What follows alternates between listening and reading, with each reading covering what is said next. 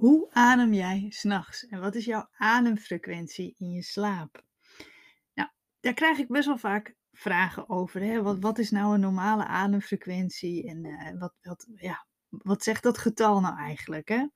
Maar misschien heb je ook wel een smartwatch, een horloge die, eh, die dat kan meten.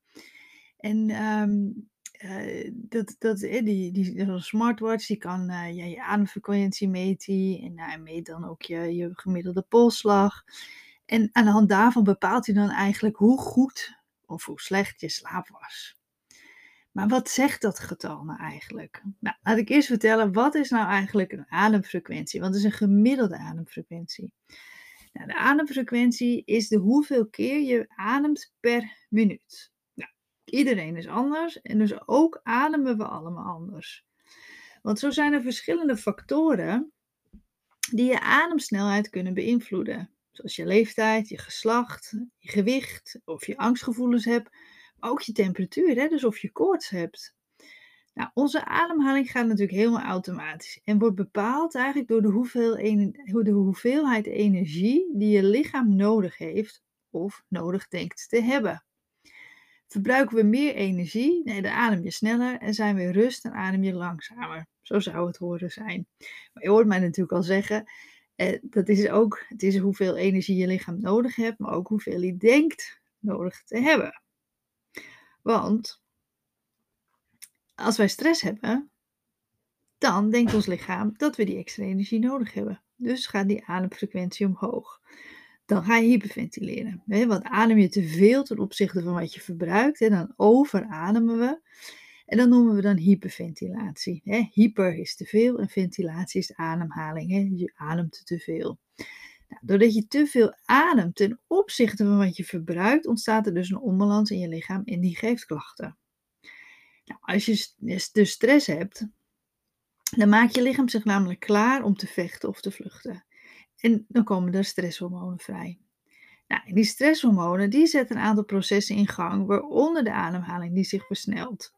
Uh, maar ook je, ehm, je, hartslag gaat omhoog, je spieren spannen zich aan, uh, je spijsvertering verandert. Hè? Dus er gebeurt heel veel onder invloed van die stresshormonen. En dat, uh, ja, dat is als doel om, om te overleven, hè? Om te, dan vooral om te vechten of te vluchten. Maar verbruiken wij die extra energie niet, die dus vrijkomt omdat, omdat je niet gaat vechten of je gaat niet vluchten, dan hebben we dus over hyperventileren. Want dan adem je dus te veel ten opzichte van wat je verbruikt. want wij, de meeste stresssituaties uh, die wij hebben, zit je op een stoel. Omdat je irriteert aan je collega, eh, je partner doet misschien niet wat je van hem uh, verwacht. Ehm, je, je, maakt je zorgen om, om een naaste. Je maakt je zorgen om alles wat er gebeurt in de wereld op het moment. En dat is nogal veel. Ehm, dus dat is allemaal stress. En ons, ons, ons onderbewuste die ziet niet het verschil tussen echt gevaar en gevaar wat natuurlijk alleen in ons hoofd zit. Dus als jij de, de gasrekening, als je daar heel veel zorgen om maakt, is eigenlijk hetzelfde wat er gebeurt in jouw lichaam op het moment dat jij tegenover een beer zou komen te staan. Nou, die beer, zou je moeten vluchten, hè, want vechten win je meestal niet tegen een beer. En die gasrekening, daar kan je op het moment niet zo heel veel aan doen, behalve natuurlijk bezuinigen. Maar, dus, dus, maar je lichaam je reageert hetzelfde. Je gaat overademen, je gaat extra ademen. Maar dat verbruik je niet omdat je op de bank blijft zitten. En daardoor ontstaat die onbalans in ons lichaam. Maar zo wordt dus ook de ademfrequentie bepaald aan de hand van de hoeveelheid energie je nodig hebt. In rust heeft een gemiddelde mens een ademfrequentie tussen de 6 en de 10 keer per minuut. Dus je kan jezelf nu eens ook gaan afvragen, hoeveel keer adem jij nu per minuut? Nee, je zit nu naar me te luisteren. Nou, zit je dat zittend te doen, dan zou je in theorie natuurlijk niet zo heel veel energie moeten verbruiken. Dus zou jouw ademfrequentie tussen de 6 en de 10 keer per minuut zijn. Ben je nou aan het wandelen, terwijl je naar mij luistert, dan, dan verbruik je extra energie, hè, want je beweegt. En dan zou je dus sneller moeten ademen en gaat die ademfrequentie dus ook omhoog. Nou, als je aan het wandelen bent, dan uh, heeft het niet zo heel veel zin om te gaan tellen. Maar zit jij rustig stil nu naar mij te luisteren, of uh, doe je dat straks eventjes, dan kan je stellen hoeveel keer adem ik nou. Dan zet je de stopwatch Die zet je of op 30 seconden of gewoon op een hele minuut. En dan ga je tellen hoeveel keer zou ik dan per minuut ademen. Nou, in principe, als je dus heel rustig bent, is dat tussen de 6 en de 10 keer beweeg je, wat ik zeg, hè, dan, dan, is dat, kan dat heel veel hoger zijn. Hè. Ben je rustig aan het wandelen, nou, dan zal het ook ietsje hoger zijn. Ben je aan het snel wandelen, is het alweer veel hoger. Ben je aan het hardlopen, ja, dan kan dat echt flink hoger zijn. Maar we gingen het hebben over die ademfrequentie in de nacht, tijdens je slaap. Want in de nacht, en dan rust je dus. Dus dan zou je denken dat die ademfrequentie dus ook laag is dat die ook tussen de 6 en de 10 keer per minuut zou zitten. Maar als jij zo'n horloge hebt, dan is het je vast wel opgevallen dat die gemiddelde ademfrequentie in de nacht veel hoger ligt. En want volgens een onderzoek ademt een gemiddelde een gezonde volwassene, hè, dus zonder ademhalingsstoornis, zoals bijvoorbeeld slaapapneu hè, of andere dingen, die ademt s'nachts tussen de 12 en de 20 keer per minuut, met een gemiddelde van 15, 16 keer per minuut in de nacht. En dan zou je denken, hoe kan dat dan? Ja, want misschien heb jij ook wel zorgen gemaakt. Je denkt, hé, maar s'nachts adem ik veel hoger dan dat ik overdag. Dus ik ben per definitie aan het hyperventileren in mijn slaap. Nou, maar hoe kan dat? Ja, nu er steeds meer mensen zo'n smartwatch dragen, komen we er namelijk achter dat een gemiddeld mens dus sneller ademt dan dat we dachten in ons slaap. En hoe dat nou precies zit, dat weten ze nog niet. Hè? Want het is eigenlijk een vrij nieuw iets. Ja, want sinds een paar jaar hebben we nog maar mensen die horloges.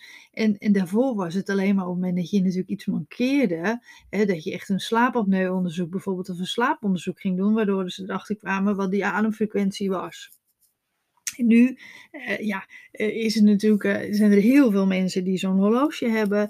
Maar van alles en nog wat. Hè. Sporters, niet-sporters, mensen met ondergewicht, gemiddeld gewicht, overgewicht. mensen die veel stress ervaren, mensen die super ontspannen zijn.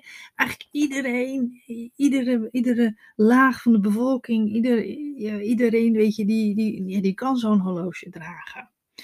En waardoor er natuurlijk veel meer data vrijkomt opeens. En dus komen we erachter dat die gemiddelde ademfrequentie in de nacht dus eigenlijk veel hoger is dan dat we hadden verwacht. En hoe, hoe kan dat? Nou, een van die theorieën is namelijk dat in onze slaap gebeurt er heel veel. er wordt namelijk heel hard gewerkt door je lichaam. Want ja, je spieren worden opgebouwd, je, ehm, je brein die wordt als het ware, wordt alles eventjes in vakjes gedeeld en je herinneringen eh, wordt allemaal verwerkt. Eh, dus je hersenen zijn hard aan het werken, je lichaam is hard aan het werken, je vertering is hard aan het werken, je cellen worden vervangen en ververst, of ververst, een beetje gek woord, maar worden, eh, worden opnieuw opgebouwd. Dus er gebeurt superveel s'nachts. Maar daarna slapen we, eh, als we in slapen, dan dromen we vaak ook. En zijn we heel actief in de remslaap. En dat kan ook verklaren waarom je sneller ademt. En je, je ligt niet stil vaak in je slaap. En dat, eh, je bent in het woelen, je bent aan draaien, je bent het dromen. En ja, dromen doen we toch wel vaak ook, uh, dus zijn we toch wat onrustig. En misschien ben je wel aan het dromen dat je aan het hardlopen bent. Of dat je iets spannends meemaakt. Dat is allemaal dingen waardoor die ademfrequentie omhoog gaat. Het kan ook zo zijn dat je aan het hyperventileren bent in je slaap. En dat zit dus het verschil. Op het moment dat jij dus een hogere uh, ademfrequentie hebt, eh, dan hoef je dus niet per se te hyperventileren in je slaap. Maar als jij merkt dat je verkrampt wakker wordt, heel onrustig bent in je slaap s'nachts en, en als je ook echt niet uitgerust wakker wordt, dan kan het dus zo zijn dat je aan het hyperventileren bent in je slaap. Uh, dat je merkt dat je helemaal verkrampt wakker wordt. Dat je wakker wordt en meteen al onrustig bent met een snelle hartslag. Of wel in paniek raakt. Of, um, en dat je, echt, uh, dat je echt benauwd wakker wordt. Dat je merkt dat je wakker wordt. Dat je echt helemaal een beetje hoog zit te ademen. Dan, dan kan het echt heel goed zijn dat je aan het hyperventileren bent in je slaap. Um, daar heb ik ook al eerder een podcast over opgenomen. Dus luister die zeker ook eventjes als je dat herkent. Wat helpt dan hè, op moment dat je hyperventileert in je slaap? Um, dan kan het zijn dat je overdag wat meer rust gaat pakken. Hè, want hoe meer rust je pakt, hoe meer, minder onrust je hebt. En dan, dan ehm, door meer rust te nemen overdag, zorg je ervoor dat die spanning wat minder hoog oploopt. Um, Het helpt ook heel goed om s'avonds vooral wat meer ontspanningsoefeningen te doen, ademhalingsoefeningen te doen, waardoor je gewoon wat rustiger uh, in slaap valt. Dus als jij merkt dat je ademfrequentie uh, ja, hoger is dan dat je dacht, hoeft dat dus niet per se te betekenen dat je aan het hyperventileren bent. Maar merk je dat jij uh, ja, onrustig wakker wordt, dat je verkrampt voelt, dat je meteen al allemaal klachten hebt, dan is de kans wel heel groot dat je hyperventileert in je slaap. Dus die getalletjes, die zeggen niet zo heel veel. Um, dus, dus kijk meer naar de, nou, ook je, je polsslag, hè, die is ook niet helemaal uh, gelijk natuurlijk. Dus kijk dan eens naar die grafiekjes van je horloge. En weet ook dat het echt niet 100% betrouwbaar is. Want op het moment dat jij zweet, of je horloge zit niet helemaal eh, strak tegen je pols aan, uh, als je onrustig aan het bewegen bent, dan kan die meting gewoon heel erg verstoord raken en afwijken.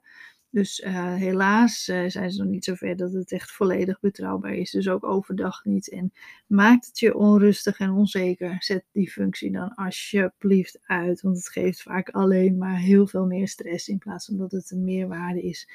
Um, dus dat is mijn mening er altijd over. Als je er onrustig van wordt, angstig, onzeker, zet het dan alsjeblieft uit of doe in ieder geval je horloge af. Ik heb ook zo'n mooi een maar uh, dat ik hem net had, heb ik hem twee weken aangehad. Omdat ik benieuwd was naar mijn uh, body battery en kijken hoe dat zat met mijn energie en uh, polsslag. En toen, ik, ik word er gewoon zelf heel onrustig van. Ik zit dan te kijken en dan zie je het, is mijn polsslag weer te hoog en te laag. En het zegt gewoon niet zo heel veel. Dus, dus wees dan net als ik verstandig en zet het er gewoon lekker uit en gebruik het gewoon alleen maar voor andere dingen. Of, of zet het gewoon een week aan om te kijken hoe het, hoe het is. En dan, dan weet je dat en dan kan je het gewoon weer loslaten.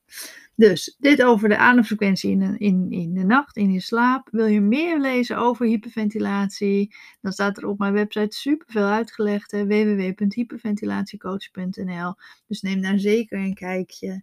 En denk je, ja, ontspannen, hoe doe ik dat? Hoe bereik ik dat? Kijk dan ook eens bij, bij mijn online trainingen, want ik heb ook bijvoorbeeld een cursus over ontspannen. Nou, bedankt voor het luisteren en tot bij een volgende aflevering.